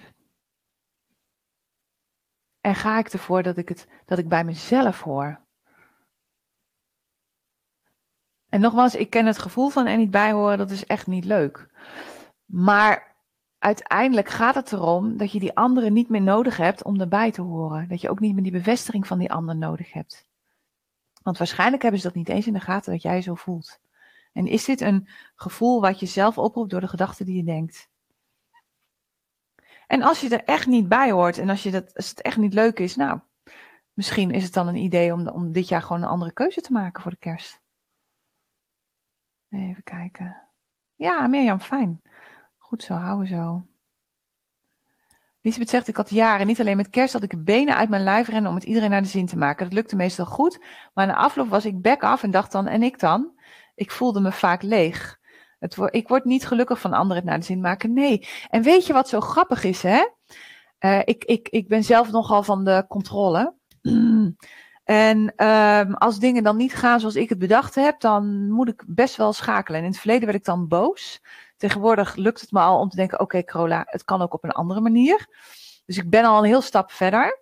En ik heb voor dit jaar de, de controle uit handen gegeven voor een deel, want iemand anders gaat het toetje maken. Nou, dat was wel even een dingetje hoor. En inmiddels denk ik, nou, weet je, het maakt ook allemaal niet uit. Dat komt wel goed.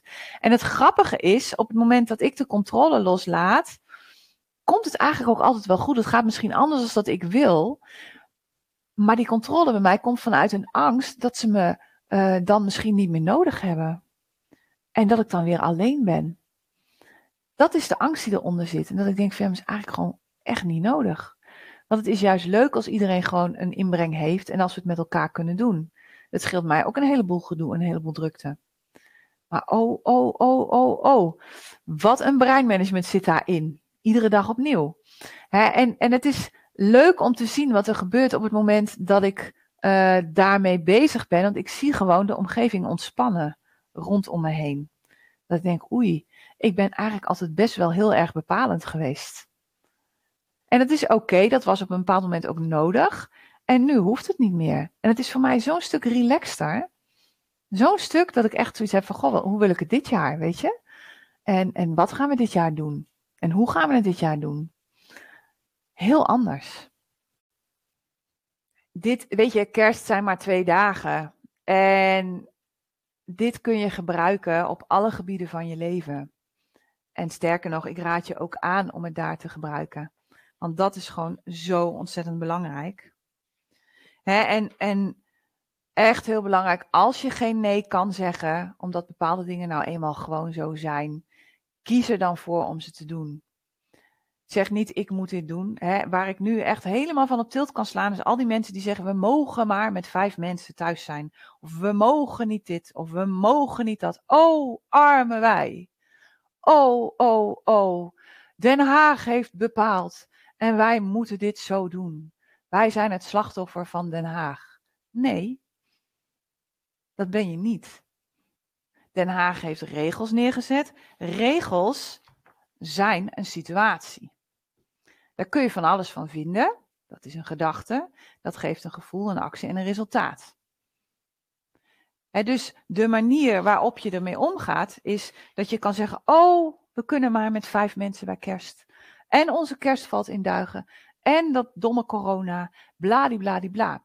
Je kunt ook zeggen van, nou oké, we kiezen ervoor om met vijf mensen onze kerst te vieren. Dat voelt zo anders als we mogen het niet. We kiezen ervoor.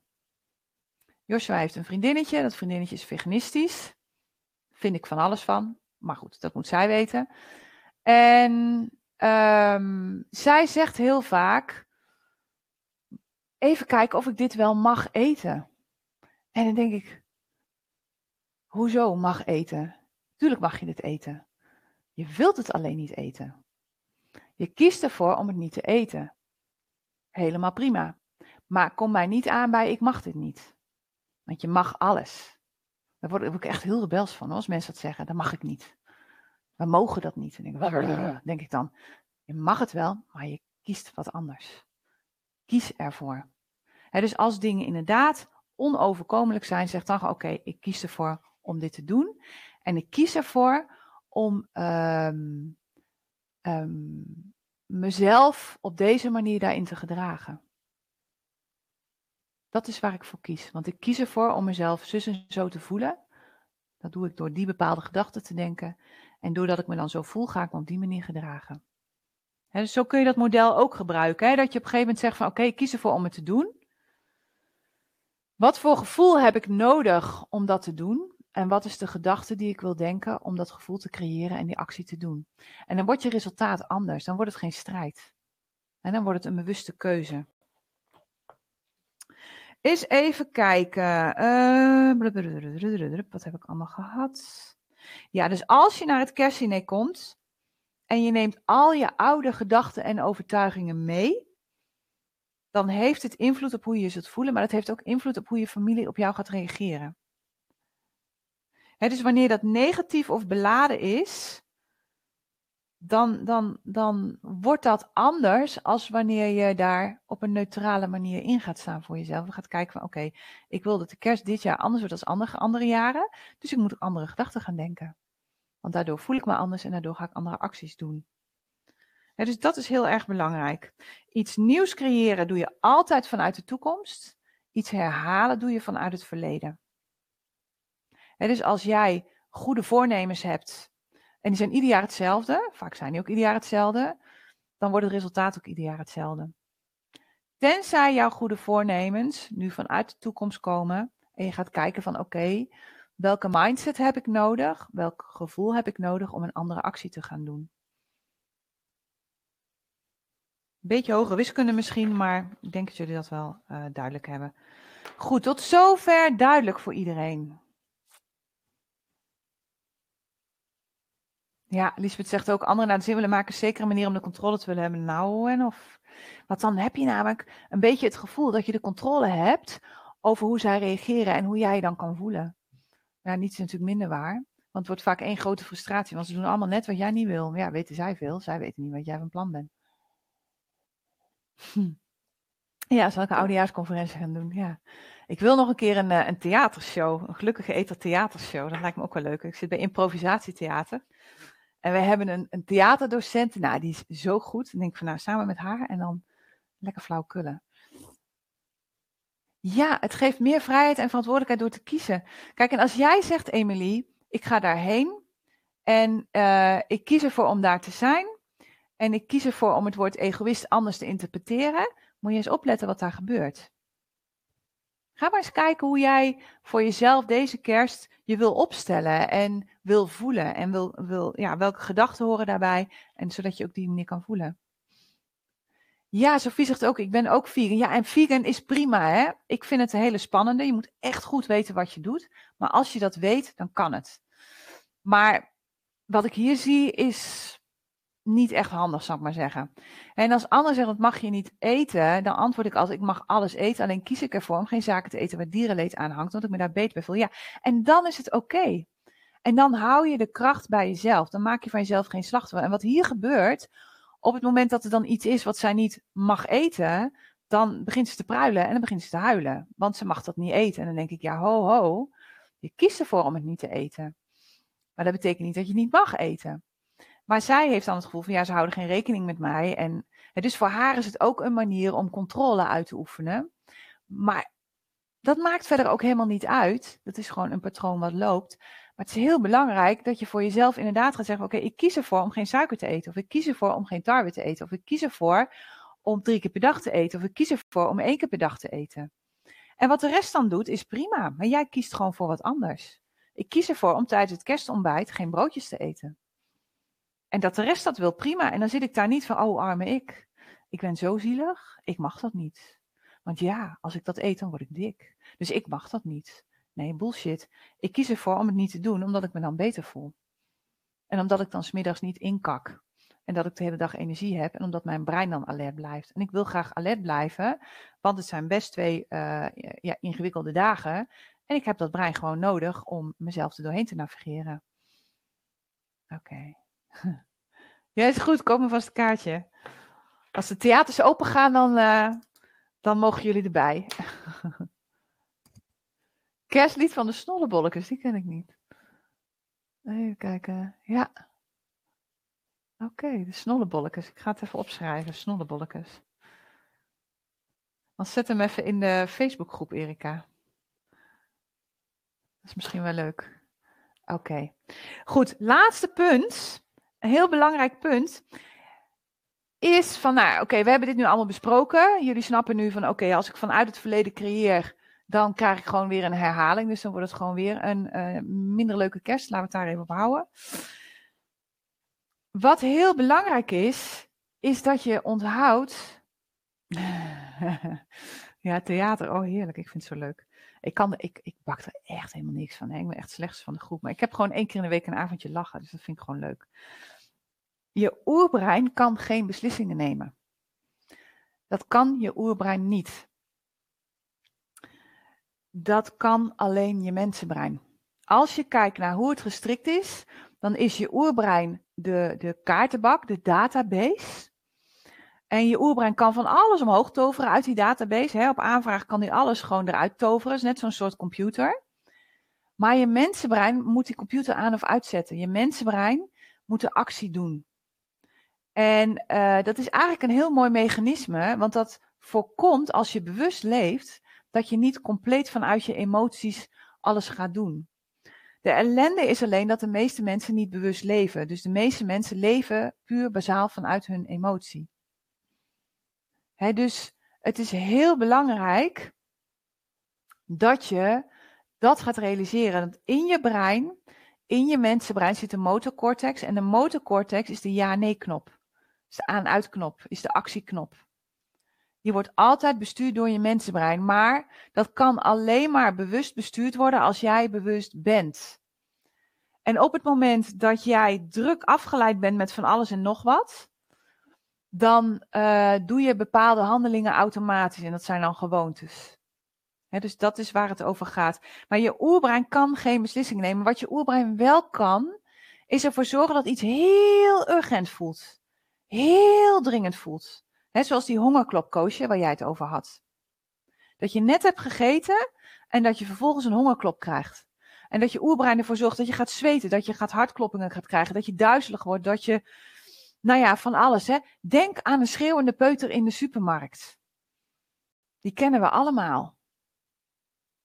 Die schreeuwende peuter in de supermarkt die een snoepje wil en dat snoepje niet krijgt. Nou, die haalt de hele trucendoos open. Maar dan ook compleet. En dan moet je stevig in je schoenen staan om te zeggen, dat doen we niet. We hebben thuis eten, we hebben thuis uh, genoeg, we gaan dat gewoon niet halen. En als je dat een paar keer doet, dan denkt die puber of die, peuter op een gegeven moment van, nou, ik kan hier nu wel gaan schreeuwen, maar als mama nee zegt, is het nee. En dat heb ik misschien ook wel vaker verteld, maar Joshua die woonde al een tijdje bij ons en Joshua wist op een gegeven moment nee is nee. En toen kwam Alicia bij ons wonen, zijn zusje. En die dacht van, ah, nee is uh, misschien nu wel nee, maar dat kan best wel een ja worden. En die haalde alle trucs uit de kast om van die nee een ja te maken. Nou ja, Alicia kende ons nog niet zo goed. En wij hadden zoiets van nee is nee. En op een gegeven moment zei Joshua, ja, zegt hij. Hij zegt, stop er nou maar mee. Want bij die twee, als ze nee zeggen, is het gewoon nee. Het heeft geen zin. Want als die twee nee zeggen, wordt het echt geen ja hoor. En uh, dat hoorden wij op een gegeven moment een keer. Zo lagen helemaal deuk met z'n tweeën. Maar zo is het wel. Want op een gegeven moment geeft je oerbrein op. En, en je brein is wat dat betreft net een gokkast, net zo'n flipperkast. Uh, het, is, het, het is echt, iedere keer maar aan het kijken krijg ik een ja. En het is net als met een hond die kwijlend naast je zit. Als je hem af en toe wat geeft, blijft hij kwijlen. Als je hem nooit wat geeft, gaat hij op een gegeven moment in zijn mand, is het klaar. Dus consequent zijn naar jezelf en gaan leren om onderscheid te maken tussen fysieke signalen en signalen die komen vanuit een gedachte waardoor een emotie wordt veroorzaakt, is heel erg belangrijk. Heel erg belangrijk. En dat is wat voor de meeste mensen ontzettend moeilijk is, omdat we zo uit verbinding zijn met onszelf. Omdat we zo uh, bezig zijn met alles om ons heen en met iedereen om ons heen. En zoveel afleiding hebben gecreëerd, dat we die signalen niet meer goed kunnen voelen. Dus wat heel belangrijk is deze kerst, op het moment dat jij iets wil eten, dat je heel even voelt van oké, heb ik echt honger of komt dit doordat ik een gedachte heb gedacht? Dat is best heel erg moeilijk. Zeker als je dit nog nooit hebt gedaan, lijkt het onmogelijk. Maar het is te doen. Want je weet dat je met twee, drie maaltijden per dag heb je genoeg. Alles wat daartussen zit, heb je in principe niet nodig. Kun je wel eten, hè? maar heb je in principe niet nodig. Dus als je tussendoor iets in je mond wil stoppen, bedenk dan eens voor jezelf van oké, heb ik nu echt honger? Of lijkt me dit gewoon lekker? Loopt het water me in de mond? Of uh, zie ik andere mensen dat eten en denk ik, oh dat kan ik eigenlijk ook wel doen. Want dat zijn allemaal van die onbewuste acties. En plannen, zegt Sanne. Ja, plannen is echt de sleutel. Plan de dag van tevoren wat je morgen gaat eten en hou je daaraan. En voor de mensen die nieuw zijn in het webinar, gaat dat nu te ver. Voor de mensen uit de Eetgeluk Universiteit is dat gewoon je sleutel. Is dat je basis. Dat is waar het over gaat. Maar als dit allemaal is wat je voor het eerst hoort, is het best wel heel erg veel. En wat dan belangrijk is, is dat je gaat kijken van oké, wat is nou de interne dialoog die loopt? En de interne dialoog zou waarschijnlijk zijn van ah, het is kerst. Ah, het is zo lekker. Ah, eentje kan wel. Ja, jeetje, ik, ik mag ook helemaal niks. Ik wil toch wel iets. Dat zijn allemaal gedachten die je kunnen laten eten. Of ach, ze heeft zo de best gedaan, dan moet ik dat toetje laten staan. Dat kan ik toch niet doen? Weet je? Of morgen eet ik gewoon niks. Ik eet nu gewoon waar ik zin in heb en morgen eet ik gewoon niks. Allemaal gedachten die je oerbrein op de tafel gooit en die een bepaalde uh, emotie oproepen waaruit jij gaat eten. Ja, want wat je oerbrein kan doen, je oerbrein kan je die gedachten laten denken. Je oerbrein kan je uh, um, op allerlei manieren qua gevoel een urgentie geven. Maar uiteindelijk ben jij degene die beslist om het te gaan doen, ja of nee. En wat er dan zit, is dat je een beslissing neemt vanuit wilskracht. Of dat je een beslissing neemt vanuit liefde voor jezelf. Beslissing vanuit wilskracht is nee, ik mag het niet, ik mag het niet, ik mag het niet, ik mag het niet, doe het niet, doe het niet. Nee, ik kijk de andere kant op, ook schuif het schaaltje weg. Nou, jongens, neem er nog even gauw eentje. Dan is hij maar leeg, hoef ik het niet meer te doen. Dat. Dat is wilskracht, hè? En dat gaat s'morgens vaak nog wel goed, maar zo tegen een uur of vier is die wilskracht wel op. En dan wordt het erg lastig hoor, om dat nog vol te houden. En dan komt het kerstdiner. Dus het ergste komt dan nog, hè?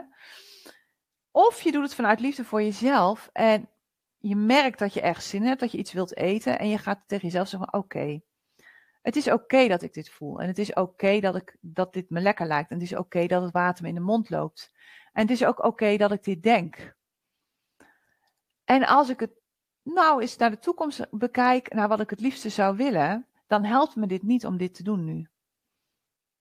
Dan helpt het me meer om nu een glas water te drinken. Of dan helpt het me meer om even een rondje over te slaan. Of dan helpt het me meer om te eten wat ik op mijn planning heb staan. En op die manier wordt het geen meer, maar wordt het een van, nou oké, het is er, het gevoel is er en het is oké. En ik kies nu voor wat anders. Is hetzelfde als dat die peuter zegt, mama, mama, mama, mama, mama, ik wil dat. En je zegt, nee, mag niet. Mama, mama, mama, nee, mag niet. Mama, mama, mama, nee, mag niet. Mama, mama, mama, oké. Want die peuter gaat steeds harder schreeuwen. Op het moment dat, die peuter mama, mama, mama, mama, ik wil dat. Dat je zegt, schatje, je hebt net gegeten, straks gaan we weer eten. Het hoeft nog niet. We hebben nog een heleboel voor vanavond staan. We gaan nu gewoon eventjes dat niet doen. Dan is het ook klaar. En vaak is dan nog. En dan is het klaar. Dan zeg je, nou kom, we gaan lekker spelletje doen of we gaan wat anders doen. Over. Weet je, en als je nee zegt en je krijgt een inhaalbeweging, dan heb je nee gezegd vanuit wilskracht. Dus als jij nee zegt de hele dag en aan het eind van de dag is het. Waar was het ook alweer? Dan heb je nee gezegd vanuit wilskracht. En dat krijg je altijd terug in de vorm van een, een eetbui of in de vorm van alle restjes nog even snel naar binnen werken of in de vorm van ongecontroleerd gaan eten later op de dag of een volgende dag. Heel belangrijk. Even kijken. Als je het toch niet houdt aan de eetplanning die je de dag eerder gemaakt hebt, hoe kun je het dan snel mogelijk herstaan? Nou, wat belangrijk is, Wendy, is dat je voor jezelf gaat kijken van, oké, wat is de reden dat ik me niet aan mijn eetplanning heb gehouden? Is dat omdat ik te strak heb gepland? Is dat omdat ik onrealistisch heb gepland? Is dat omdat ik te weinig heb gepland voor mezelf? Is dat omdat er iets gebeurde wat ik niet had voorzien? En waar ik geen scenario nog voor hebt kunnen bedenken. Als dat het geval is, bedenk dan gewoon in ieder geval wel van als dat nog een keer gebeurt, ga ik het voortaan zo en zo doen. dat je dan wel een scenario hebt.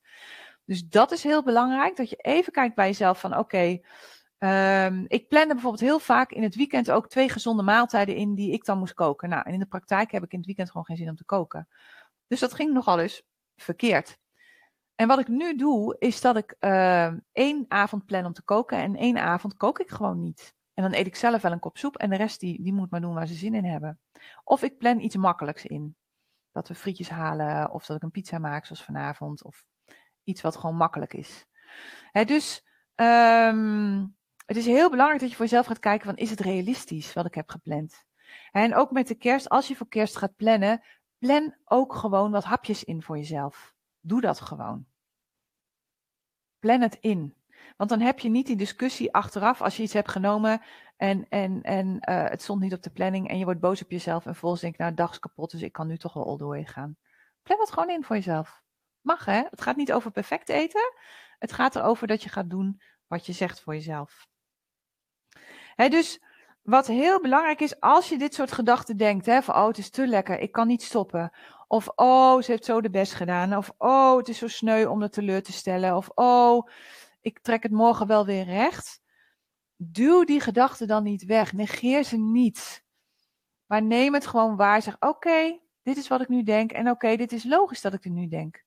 Als ik s'morgens uh, eruit moet om te gaan yogaan, dan heb ik ook 9 van 10 keer geen zin. En al helemaal niet nu het donker is. En dan denk ik ook van, ik sla wel een keer over. En mm, gaat het? En denk ik, nou, het is oké dat ik dat denk. Het is ook oké dat ik lekker in mijn warme bed lig. Maar ja, ik wil wel een gezonde, sterke rug. En ik wil wel dat mijn lijf over tien jaar nog steeds sterk is. Dat is wat ik wil. Dus ik sta nu wel op. En op die manier neem ik het mee. Ik beweeg mee. En ik ga toch weer die kant op. In plaats dat ik zeg, nee, dat mag niet. Want dan komt het bam weer terug dus dat, dat is wat je ziet gebeuren vaak. Dat mensen zeggen, nee, mag niet, mag niet, mag niet, mag niet, mag niet, mag niet, mag niet. Met water in de mond, hè. Ik wil het wel, maar ik mag het niet, ik mag het niet, ik mag het niet, ik mag het niet. Maak daarvan, ik kies ervoor om het niet te doen. En kijk naar jezelf en zeg van, oké, als ik er nu voor kies om dit wel te doen, wat levert het me dan op de lange termijn op? En als ik ervoor kies om het niet te doen, wat gebeurt er dan op de lange termijn? En waar kies ik voor? Kies ik voor wat ik nu wil? Hè, want je oerbrein wil nu plezier. Of kies ik voor wat ik het liefste wil? Wat ik op de lange termijn wil. En wat me uiteindelijk ook veel meer voldoening gaat geven. Het is hetzelfde als met geld. Geef ik het allemaal uit of spaar ik nog wat voor later? En later is heel lastig voor je oerbrein. Je oerbrein kent het later niet. Hè? Je oerbrein kent alleen maar nu. En daarom heb je altijd die dialoog in je hoofd. Want je mensbrein weet wat goed is voor jou in de toekomst. Maar je oerbrein wil wat, wat, wat nu een fijn, fijn gevoel geeft. En daarom, lieve mensen, is het ook zo belangrijk dat je om alles nog maar eens even aan elkaar te breien, dat je van tevoren gaat bedenken van oké, hoe wil ik mij voelen tijdens de kerst? Dat je dat vanuit de toekomst gaat doen. Hè, dus dat je met een ander gevoel die feestdagen ingaat dit jaar. Hoe wil ik mij voelen? Hoe wil ik mij gedragen? Hoe wil ik me verhouden tot andere mensen? Wat zijn verwachtingen die ik heb van anderen waar ze eigenlijk helemaal niet aan kunnen voldoen? En kan ik ermee leven om die verwachtingen los te laten? Dat is heel belangrijk, want daardoor ga jij je anders voelen. En als je je anders voelt, ga je ook andere keuzes maken voor jezelf. dus ga jij veel bewuster kijken wat je wilt. Vervolgens, als je die gevoelens beter kan sturen, zul je ook andere eetverleidingen krijgen. Je zult ze krijgen, ze gaan komen, geheid. dus plan het voor jezelf in wat je eet. Als je dat prettig vindt, plan de dag van tevoren in wat je morgen gaat eten. Als je niet weet wat er op het menu staat, dan plan je gewoon in voorgerecht, hoofdgerecht, nagerecht. En uh, wat ik dan bijvoorbeeld doe, is dat ik geen aardappels eet. Maar goed, dat is iedereen voor zich. Of dat ik geen pasta eet, of geen friet eet, of geen... Al die daar ben ik niet zo van. Tenzij ik ze zelf maak, dan vind ik het prima. Maar als een ander ze maakt, dan laat ik dat meestal staan. dus daar kun je, dat, dat kun je gewoon voor jezelf gewoon sturen. En dat je inderdaad realiseert dat jij niet verantwoordelijk bent voor hoe anderen zich voelen, maar dat anderen ook niet verantwoordelijk zijn voor hoe jij je voelt. dus het is jouw feestje. Jij kiest ervoor om naar de kerst te gaan. Jij kiest ervoor om bepaalde dingen wel en niet te doen. En jij kiest ervoor om bepaalde gedachten wel niet te denken en bepaalde gevoelens wel niet te voelen. En vanuit daar je acties aan te passen. Gedachten over een situatie creëren een gevoel en dat gevoel creëert een actie. Dat is heel erg belangrijk. Dus hoe jij denkt over een bepaalde situatie zorgt ervoor dat je bepaald gedrag gaat doen. dus als jij bepaald gedrag wil doen voor jezelf, als jij dit jaar uh, anders met het eten om wil gaan, is het belangrijk dat je voor jezelf gaat bedenken: oké, hoe moet ik me dan voelen? En wat moet ik dan denken om dat te voelen? En daar kun je natuurlijk de komende twee weken gewoon mee aan de slag. Wees mild naar jezelf als je dingen doet die je niet wilde doen. Ja, want dat is ook zoiets.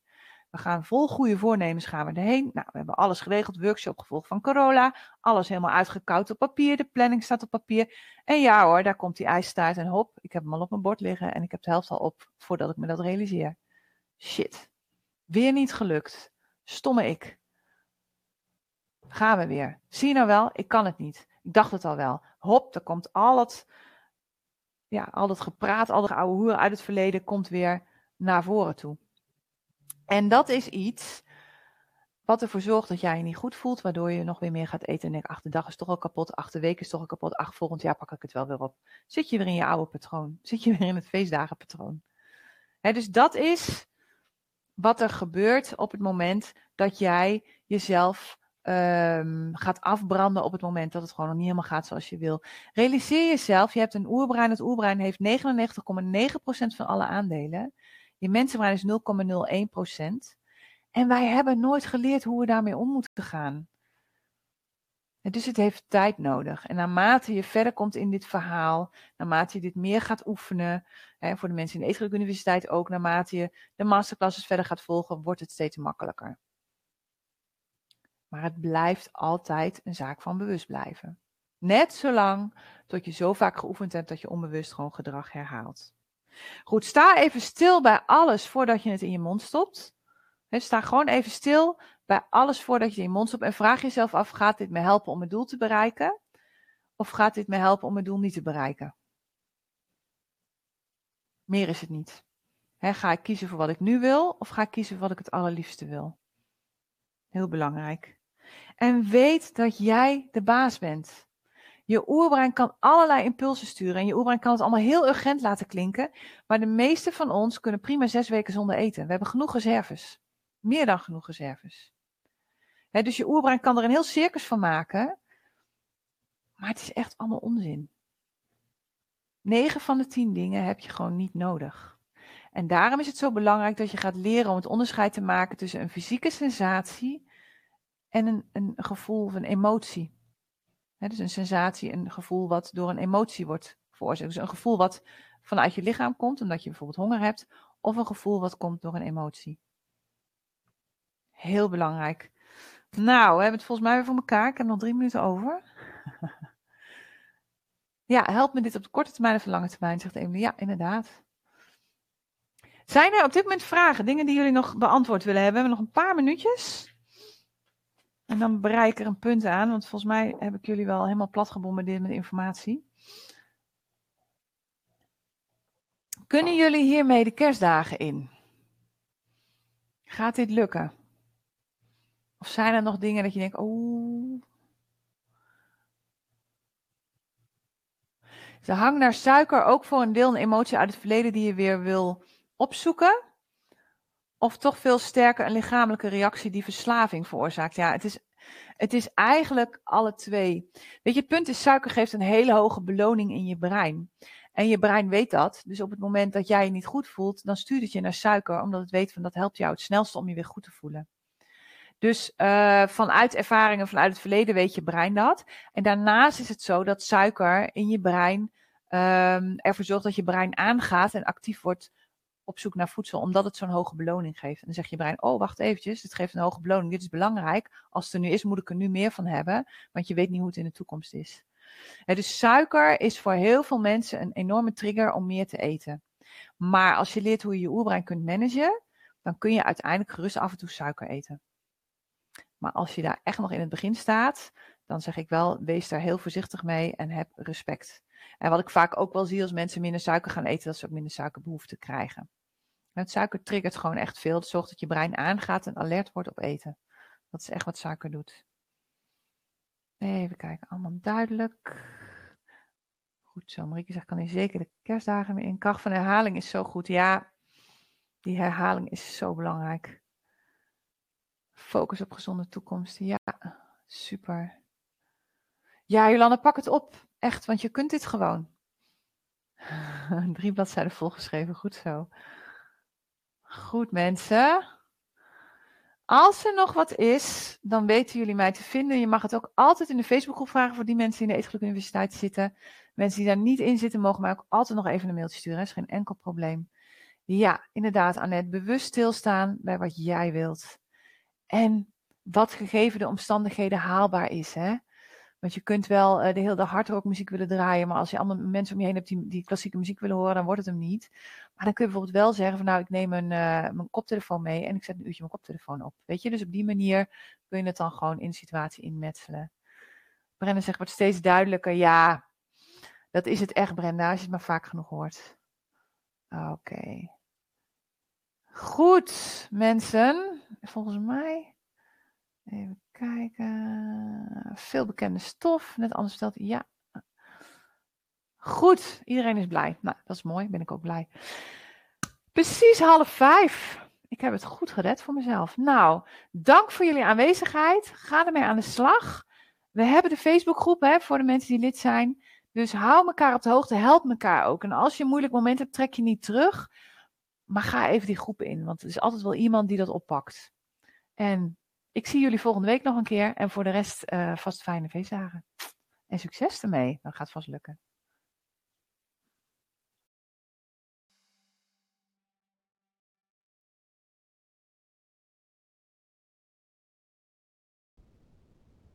Hey, als je het fijn vond om naar deze podcast te luisteren, kijk dan eens naar de Eetgeluk Universiteit.